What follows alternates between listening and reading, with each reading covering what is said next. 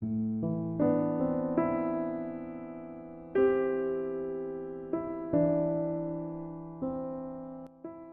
semua, bertemu lagi bersama gue Getru di Bimbimba Pinlo. Kali ini gue gak ditemani oleh teman gue Priscilla, tapi tenang aja kok. Gue jamin podcast ini bakal tetap seru dan pastinya bermanfaat buat kalian. Mungkin dari awal denger lagunya, kalian langsung mikir, kok mellow banget ya? So, pada kesempatan kali ini, gue ingin membuat series baru mengenai puisi yang gue tulis secara langsung. Kebetulan puisi yang gue buat itu kebanyakan mellow, makanya gue pakai sound ini supaya membawa suasananya. Bagi kalian yang belum tahu, gue pernah menyebutkan di podcast sebelumnya kalau gue ini lagi suka banget yang namanya nulis web. Isi web gue tuh random banget, udah kayak diary yang isinya kebanyakan curhatan gue. Ada yang dalam bentuk puisi dan ada juga dalam bentuk cerita. Nah, di series kali ini, gue akan membacakan puisi itu untuk kalian, dan setelah itu gue akan bahas sedikit mengenai kenapa gue bikin puisi itu, dan yang pasti apa arti dan pesan yang mau gue sampaikan melalui puisi tersebut. Oh ya, sebelum mulai, mungkin dari kalian ada juga yang bertanya-tanya nih, tentang nama Bibimbap in Love. Keren banget ya? Sebenarnya nggak ada alasan yang spesial guys itu kata-kata yang didapat dari kakak gue pas pertama kali gue nulis web. Kata dia itu cocok sama gue karena bimbab itu mengartikan gue yang sangat hektik Korea ini dan in love melambangkan gue yang suka galau karena cinta sering bertepuk sebelah tangan. Aduh jadi curhat ya. Maaf ya guys, emang gue tuh anaknya agak melo gimana gitu. Oke. Okay. Tanpa berlama-lama, mari kita dengar ya puisi terbaru gue yang berjudul terang di antara malam. Selamat menikmati. Terang di antara malam. Baru kemarin ku berlari, hari ini ku terdiam. Baru kemarin ku tertawa, hari ini ku menangis. Dunia kini kian terasa gelap. Hampa datang untuk menyelimuti keramaian yang selalu kurasa bertukar dengan kesepian. Suara yang selalu ku dengar kian meredup dan sunyi. Bahagia yang selalu ku lapa telah ku kubur dalam-dalam. Tanpa ku sadari, semuanya terus berubah setelah ia datang. Hariku dipenuhi awan hitam aku pun terus menunggu sambil terus bertanya-tanya.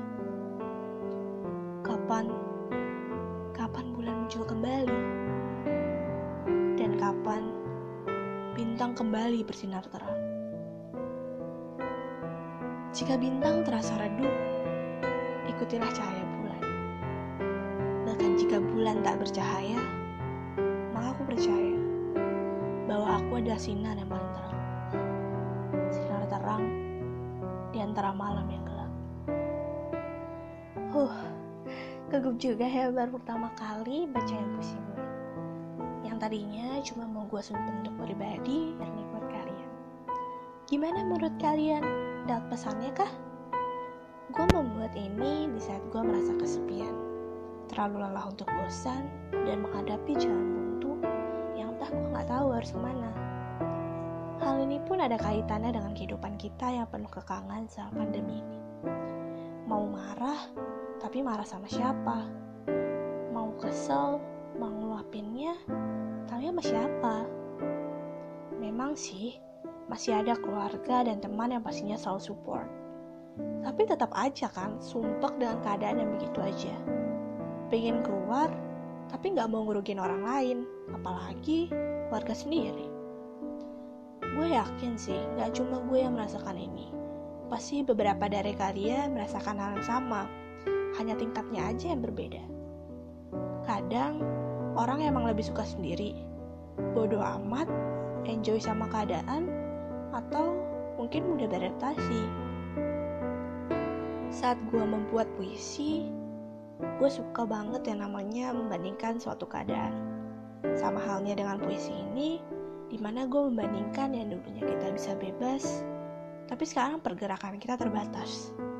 Pernah nggak sih kalian merasa capek atau bertanya-tanya, kapan sih sebenarnya makhluk kecil bernama corona ini hilang? Pasti dari kalian ada yang kangen kan ketemu sama teman, walaupun cuma sekedar ngobrol atau gibah. Tapi kadang hal simpel yang kayak gitu kan yang kita kangenin. Kadang gue mikir, kenapa ya? Gue ngeluh dulu pas masih bisa ketemu sama teman-teman sedangkan sekarang udah nggak pernah ketemu chat juga jarang-jarang dan yang pasti kita makin lama makin sibuk dengan urusan masing-masing. Tapi tenang guys. Pertemanan yang baik itu tidak diukur dari seberapa sering kalian ketemu atau seberapa panjang chat kalian teman yang baik itu ketika mereka tetap ada di samping kita saat kita senang maupun sedih. Sahabat yang baik itu, yang tanpa kita ngomong aja, biasanya mereka udah tahu apa yang jadi masalah kita. Kayak dukun gitu. Dan gue pun juga punya sahabat yang seperti itu. Tanpa gue sebutkan namanya, kalau mereka dengar podcast ini, gue mau bilang terima kasih. Makasih ya guys, dan nemenin gue hampir beberapa tahun belakangan ini. Cukup sampai di situ kayaknya ucapannya. Nanti bisa-bisa gue tambah melo. Buat kalian yang punya temen dengan ciri-ciri di atas, ikat guys, jangan sampai lepas. Nanti kalian nyesel loh. Ngomong-ngomong tentang pertemanan, bagi kalian nih yang baru masuk lingkup baru, kayak dari SD ke SMP, atau SMP ke SMA, atau malah kayak gue nih, yang baru dari SMA ke kuliah merasa ada yang ganjel gak sih? Kenalan sama orang baru, tapi gak pernah ketemu sekalipun. Beda sih kalau sama orang yang udah biasa pacaran online. Mungkin kalau mereka udah kebiasa kali ya pacaran gak ketemu sama orangnya. Tapi kalau ini beda cerita guys. Kalau dari pengalaman gue pribadi, awalnya tuh susah banget cari teman. Mau chat mereka, nanya jadwal aja nih. Susah banget, rasanya mikir-mikir berkali-kali Terus kalian tahu kan, kalau di WA itu kadang ada orang yang nggak nyertain namanya di bagian nomornya gitu. Jadi tuh kalau kita belum save namanya, kita bingung kan mau manggil siapa, nggak tahu nih yang mana namanya. Untung aja sih, sampai sekarang gue nggak pernah nih salah manggil orang. Dan lama kelamaan gue bersyukur ada beberapa teman yang mau merangkul gue tentunya. Gue juga udah mulai beradaptasi dan mulai untuk terbuka sama mereka berusaha untuk ngasih pendapat kalau ditanya di grup nih biasanya. Ya, kurang lebih lah gitu cara gue. Gue gak kepikiran sih kalau nggak ada teman-teman yang sekarang ini. Gimana ya nasib gue? Bisa-bisa pas masuk kuliah beneran, gue gak ada teman lagi. Dan gue suka iri sama orang-orang yang gampang dapat temannya. Gimana sih caranya? Bagi tips and triknya dong gue aja kalau mau kenalan sama orang mikir-mikir dulu. Gue harus ngomong apa ya sama mereka? Mereka ilfil gak ya sama gue kalau ngomong gini?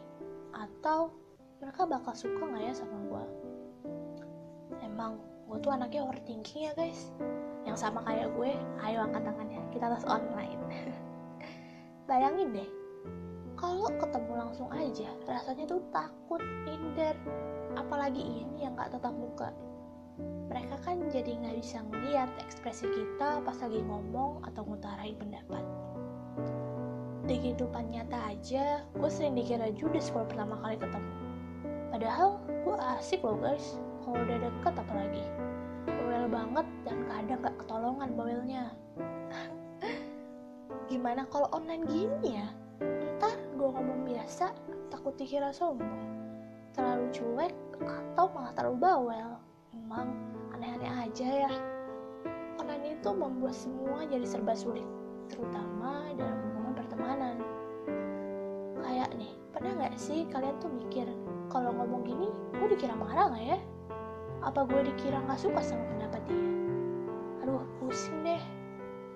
Apa ya gue bisa berhenti mikirin begituan? Kadang memikirkan sesuatu tuh ada baik dan baiknya kita jadi pikir ulang kalau mau melakukan sesuatu.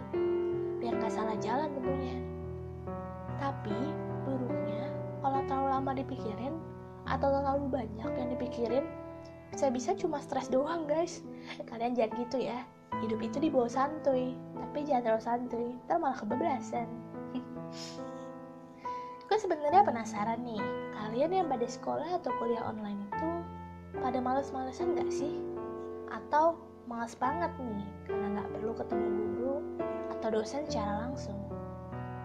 Kalau gue nih ngeliat dari pengalaman beberapa temen gue juga kuliah online tuh bikin ah pusing guys. Kita kan sebelumnya nggak pernah tahu ya bagaimana sih sebenarnya sistem kuliah itu. Tapi sekarang kita harus ngejalanin apa adanya dan semua serba online. Udah tugas tiada henti kerja kelompok cuma bisa online dan nggak cuma kita nih yang anak kuliahan kalau gue lihat adik-adik kelas gue yang ada di SMA pada ribet juga ya kayaknya PR online ulangan online aduh Gak kerasa deh guys, kalau gue harus menghabiskan masa SMA gue dengan online kayak gitu. Tapi balik lagi ya, semua itu disyukuri aja. Mau gimana pun, itu yang terbaik buat kita kan.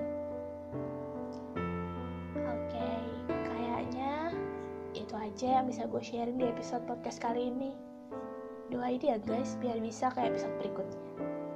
Oh iya, podcast kali ini gue buat lebih santai dan bersifat sharing pribadi Walaupun pendengarannya gue sangat mellow di sini, tapi tenang aja guys, gue pribadi dalam keadaan fine baik saat penulisan ataupun rekaman podcast ini.